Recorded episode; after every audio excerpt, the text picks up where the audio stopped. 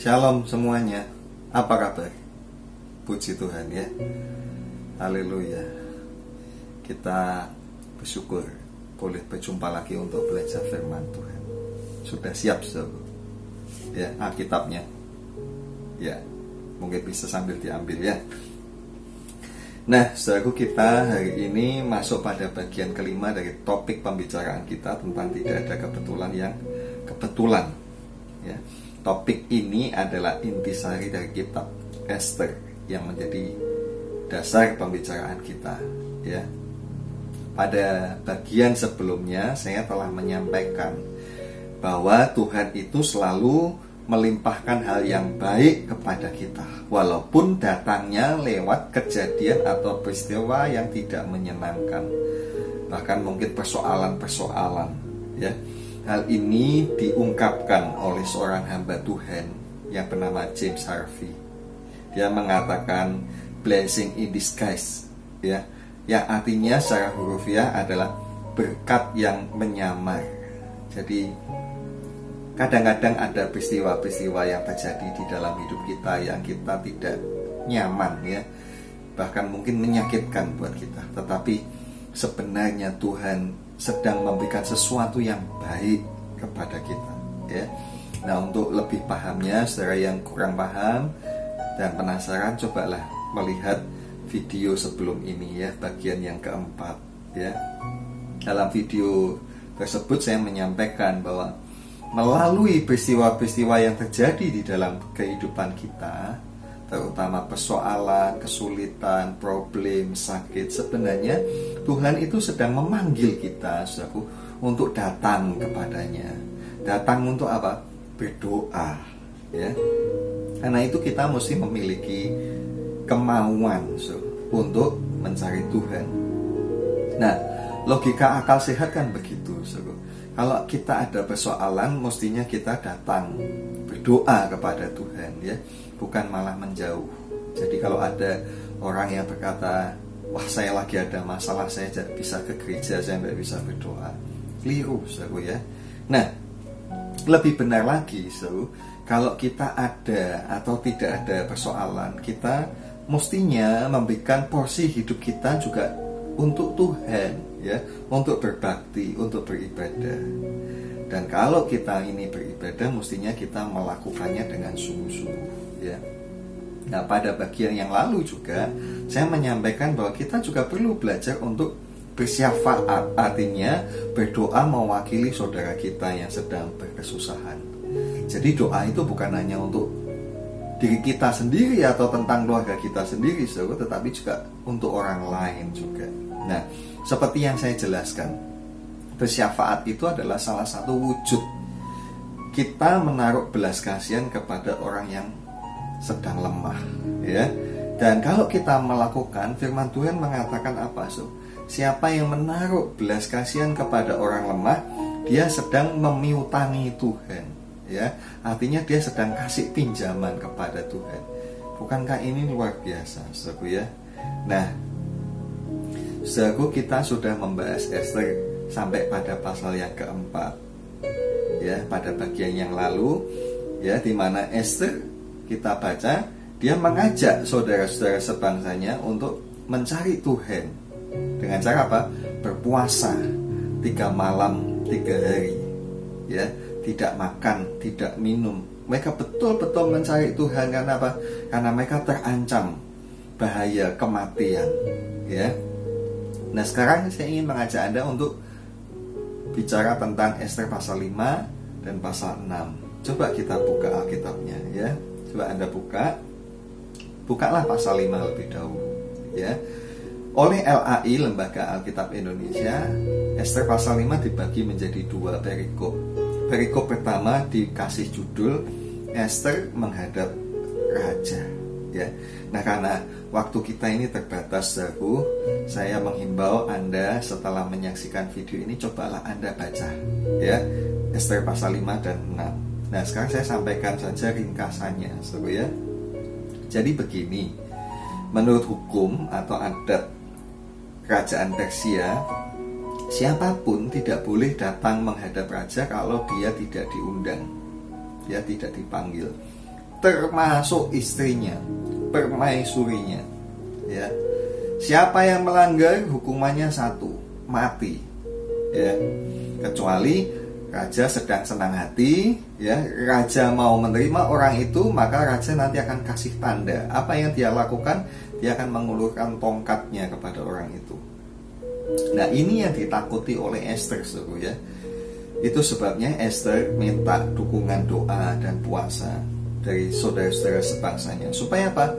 Supaya dia tidak mati, supaya Tuhan membuat hati raja senang untuk menerimanya. Ya. Nah, kita simpan dulu komentar tentang hal ini ya.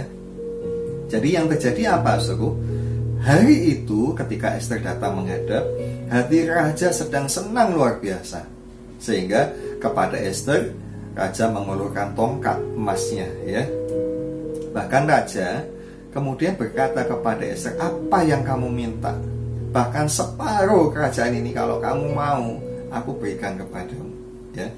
Tapi Esther ini perempuan yang bijaksana dan cerdik sekali sebu ya. Dia tidak serta-merta mengadukan permasalahannya, ya. Melainkan apa?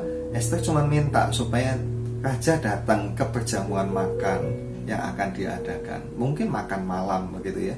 Raja, saya ingin undang makan malam raja, ya. Dan ajaklah Haman. Haman ini satu-satunya pejabat yang diundang oleh Esther untuk datang ke perjamuan makan itu ya. Nah, pada pasal yang kelima bagian yang kedua LAI memberi judul Haman menyuruh mendirikan tiang penyulaan untuk Mordekai ya. Jadi ceritanya setelah diundang tadi Haman pulang suku ya.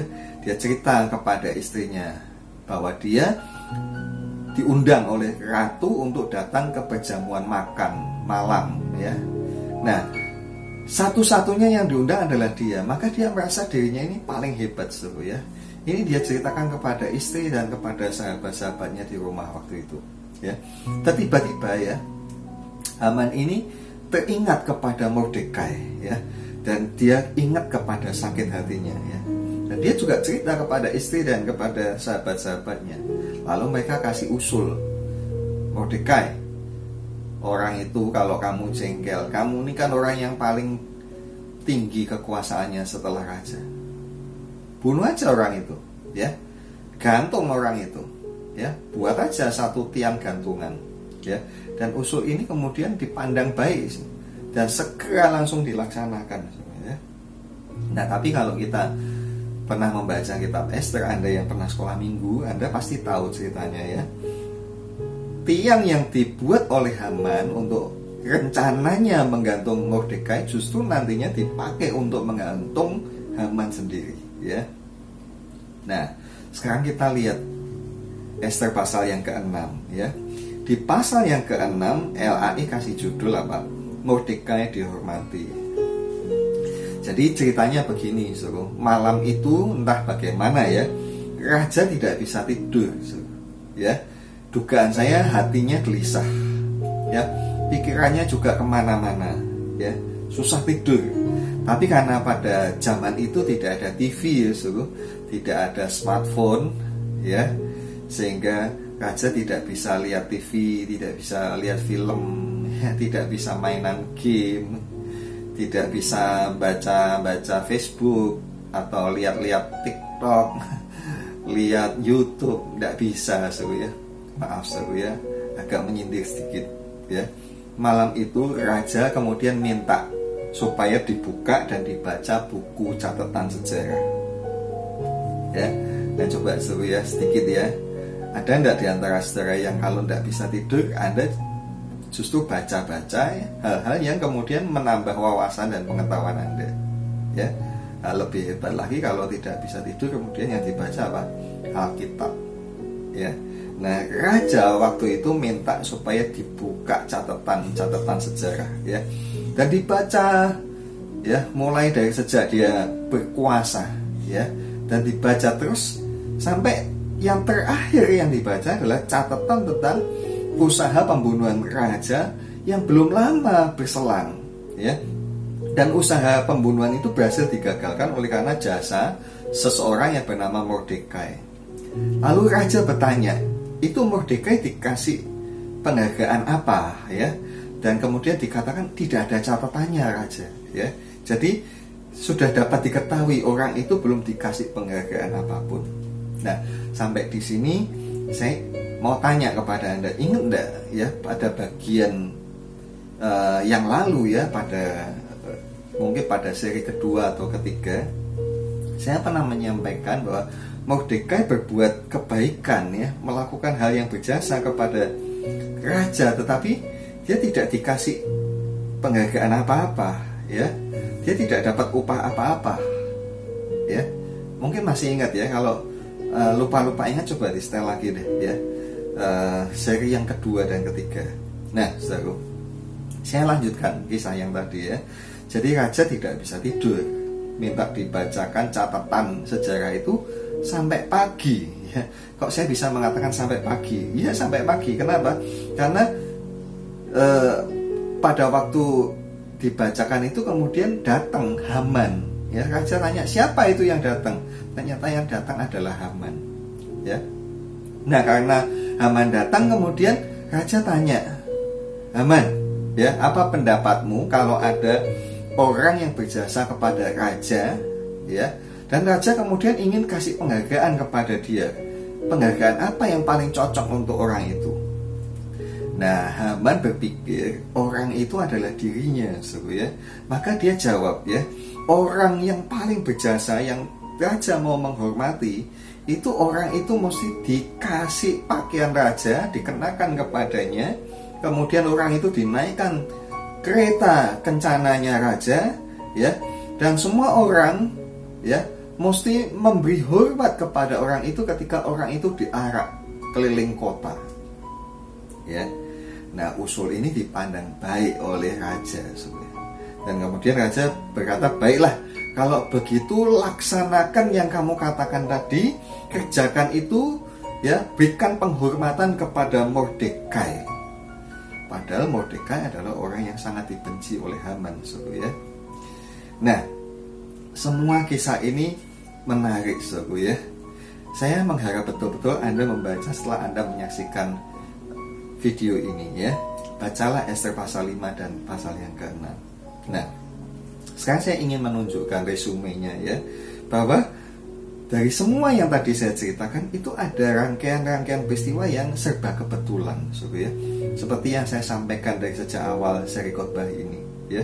Kitab Esther itu berisi rangkaian peristiwa rangkaian kejadian yang serba kebetulan apa apa saja kebetulan yang dicatat di dalam pasal 5 dan pasal 6 ini ya. Yang pertama tadi kita membaca tentang Esther datang ke istana raja. Eh, kebetulan hati raja hari itu sedang senang luar biasa. Dia diterima bahkan raja berkata apa yang kamu minta bahkan kalau kamu minta separuh kerajaan akan aku berikan kepadamu ya jadi ini sebuah kebetulan ya kebetulan hatinya senang begitu ya. Nah, yang yang kedua, saudara ya, karena sakit hati Haman itu tadi kita mendengar dia membuat tiang untuk menggantung Mordekai. Tapi kemudian seperti yang kita ketahui, tiang itu kemudian kelak dipakai untuk menggantung Haman sendiri, ya. Bukankah ini satu kebetulan, saudara ya? Nah, yang berikutnya, kebetulan yang berikutnya adalah kebetulan raja tidak bisa tidur. Kemudian kebetulan juga yang raja ingin lakukan apa? Dibacakan kitab catatan sejarah. Kenapa raja menghendaki itu ya? Kenapa raja tidak minta, aduh, aku tidak bisa tidur nih, pijetilah atau aduh, aku tidak bisa tidur, bawa ke sini anggur supaya aku minum. Tidak, so. Dia tidak tidak ingin mabuk malam itu. Dia ingin membaca catatan sejarah dan ketika dibacakan ya dari awal ternyata yang terakhir yang dibaca adalah tentang Mordekai ya yang kebetulan juga karena jasanya dulu Mordekai belum dikasih penghargaan ya. Jadi kita lihat ya ini kebetulan demi kebetulan. Nah ketika itu dibaca ya kebetulan Haman datang ya. Lalu ditanya penghargaan apa yang cocok untuk orang yang oleh raja dianggap paling berjasa. Nah kebetulan Haman usul. Orang itu mesti dikasih pakaian raja dikenakan kepadanya, dikenakan mahkotanya, kemudian dinaikkan kereta kerajaan, diarak keliling kota dan semua orang mesti menyembah kepada dia. Kebetulan dia punya usul seperti itu. Dan kebetulan yang terjadi selanjutnya adalah orang yang paling dibenci oleh Haman, orang itulah yang harus dihormati oleh Haman, ya dengan ide usul yang tadi dia sampaikan. Maka pertanyaannya begini, Saudara. Mengapa begitu banyak kebetulan? Benarkah ini hanya sebuah kebetulan demi kebetulan? Ya. Tentu jawabannya adalah tidak, Saudara ya, tidak. Ya, kenapa? Nah, kita mesti mengingat kembali ya. Semuanya ini terjadi oleh karena apa? Karena doa puasa yang dilakukan oleh Esther beserta semua orang Yahudi yang ada di kota Susan. Karena mereka berdoa dengan sungguh-sungguh mencari Tuhan, maka Tuhan turut bekerja di dalam segala sesuatu yang sedang terjadi. Ya, dari yang tadi kita uh, dengarkan, seru, maka kita bisa melihat apa? Ya, oleh karena doa yang dilakukan oleh Esther dan orang Yahudi, maka kita akhirnya berkesimpulan doa itu mengubahkan segala sesuatu. Saya ulangi ya, kesimpulannya apa? Doa itu sanggup mengubahkan segala sesuatu. Kenapa?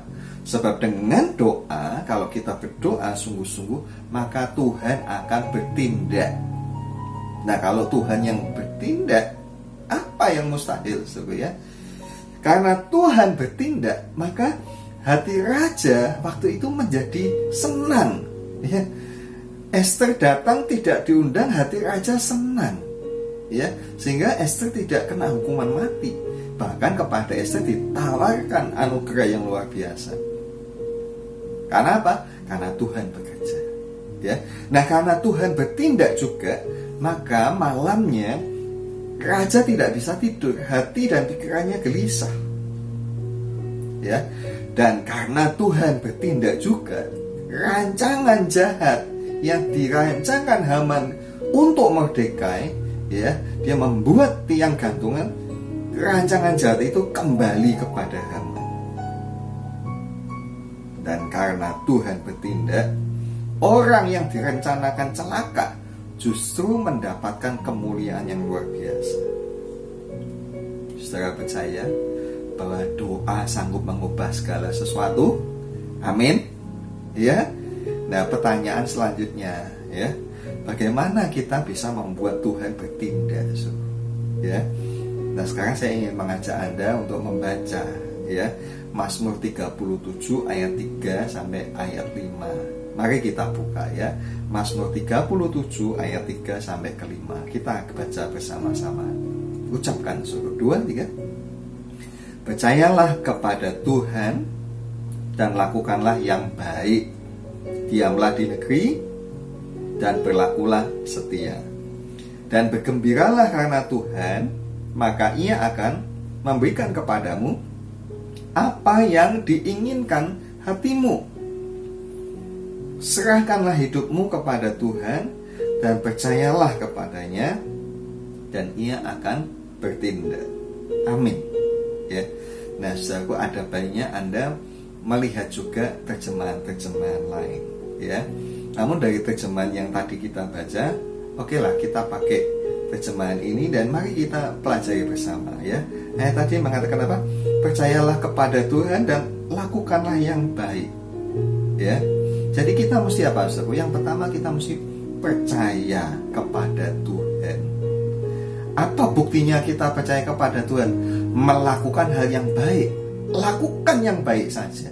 Walaupun mungkin keadaan kita ini tidak baik Walaupun mungkin kita diperlakukan dengan tidak baik Tetapi kita harus melakukan yang baik Ya, Mungkin kondisi kita kepepet Kalau kita percaya kepada Tuhan Ingat semua ya Tidak ada kata-kata kita berbuat kejahatan karena kepepet Karena apa? Karena kita percaya Tuhan Sekali lagi, kalau kita percaya Tuhan, kita mesti melakukan hal yang baik. apa pun keadaannya kita. Ya, orang memperlakukan kita dengan tidak baik, balasan yang harus kita lakukan apa? Tetap yang baik. Ya. Nah, lakukan yang baik dengan apa? Dengan setia. Ini yang pertama, so. Jadi kita mesti percaya kepada Tuhan. Ya, buktikan percaya kita dengan melakukan yang baik. Tuhan tidak mau kita melakukan yang tidak baik.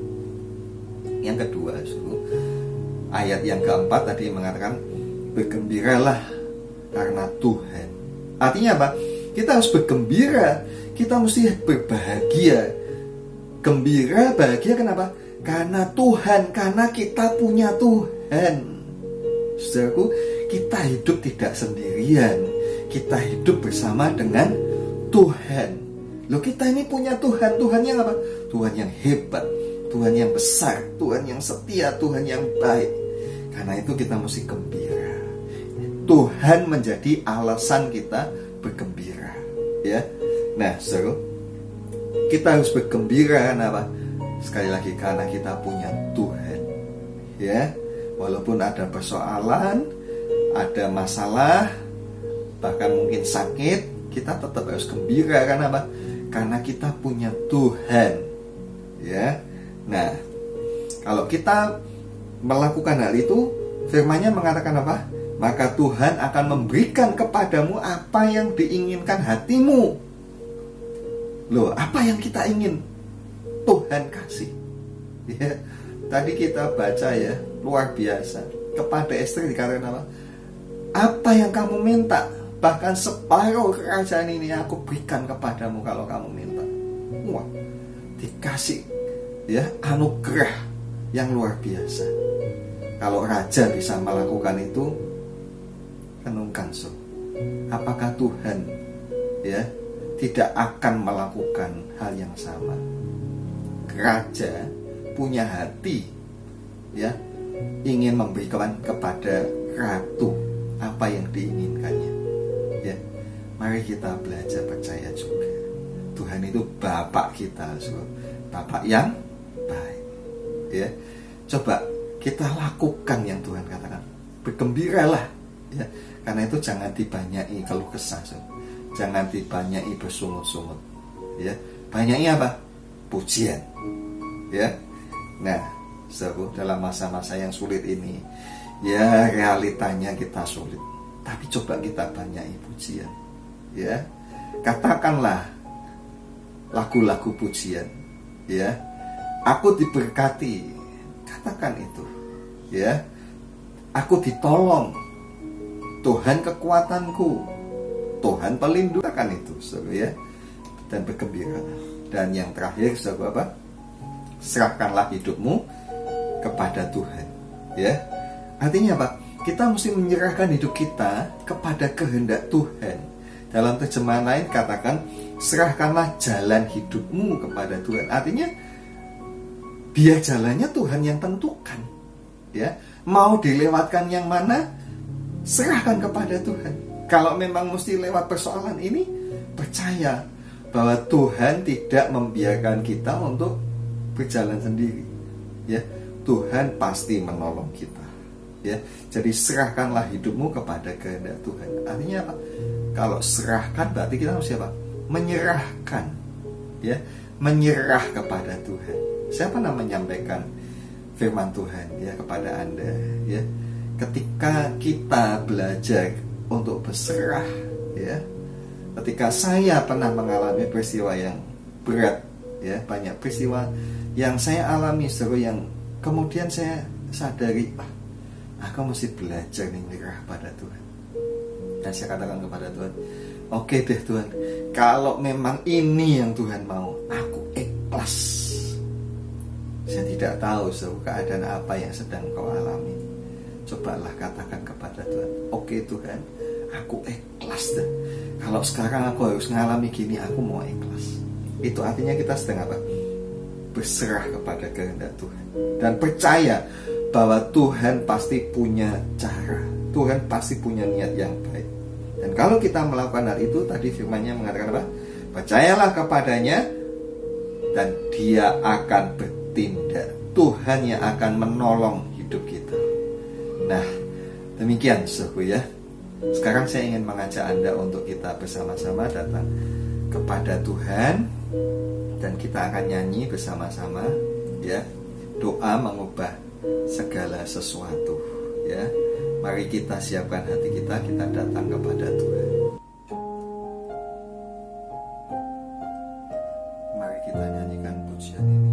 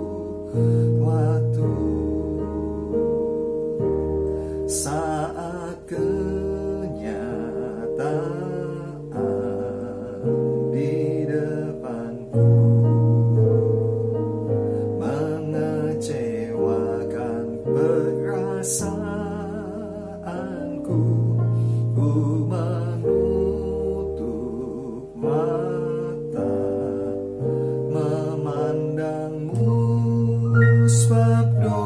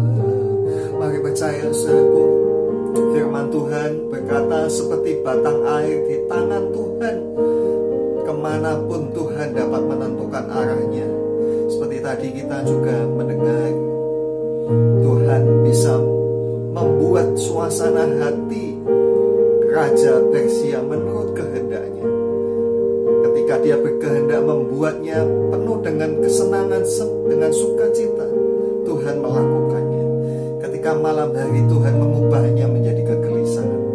Semua untuk rencana dan kehendak Tuhan. Tidak ada yang mustahil bahkan rancangan yang jahat Tuhan kembalikan kepada orang yang merancangkannya. Sebaliknya kepada orang yang direncanakan untuk mendapatkan malapetaka kepadanya justru Tuhan balikkan menjadi mendapatkan kemuliaan tidak ada yang mustahil. Apa keadaan kita tidak ada yang mustahil? Mari percaya kepada Tuhan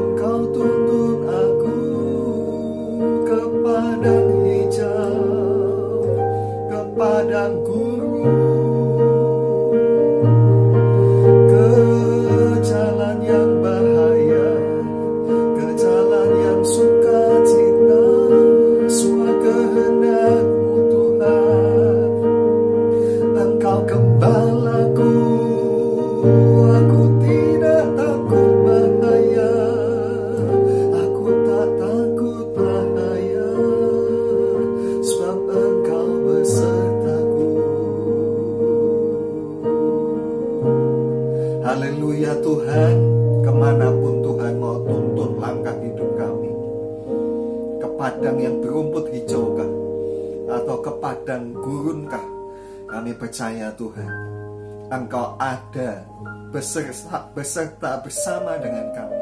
Engkaulah gembala kami. Engkau yang berjalan di depan. Engkau yang memilih jalannya. Ke mana pun kami tidak takut. Walaupun melewati lembah kematian. Kami percaya engkau tidak meninggalkan kami. Dan kami tidak sendirian. Kami ada aman bersama dengan Tuhan.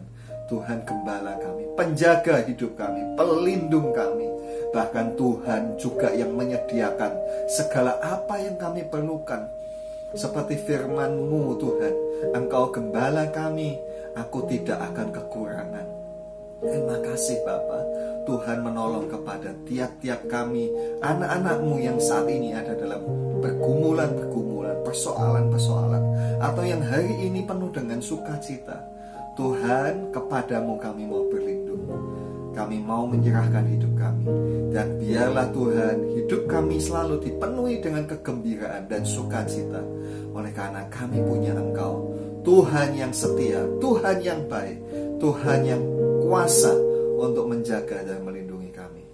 Terima kasih Bapak, terima kasih tanamkan berkat uh, firman-Mu ke dalam hati kami. Berkatilah Tuhan hingga bertumbuh menjadi darah dan daging kehidupan kami. Terima kasih Bapak. Demi nama Tuhan Yesus. Haleluya. Amin. Puji Tuhan, saudaraku. Ya.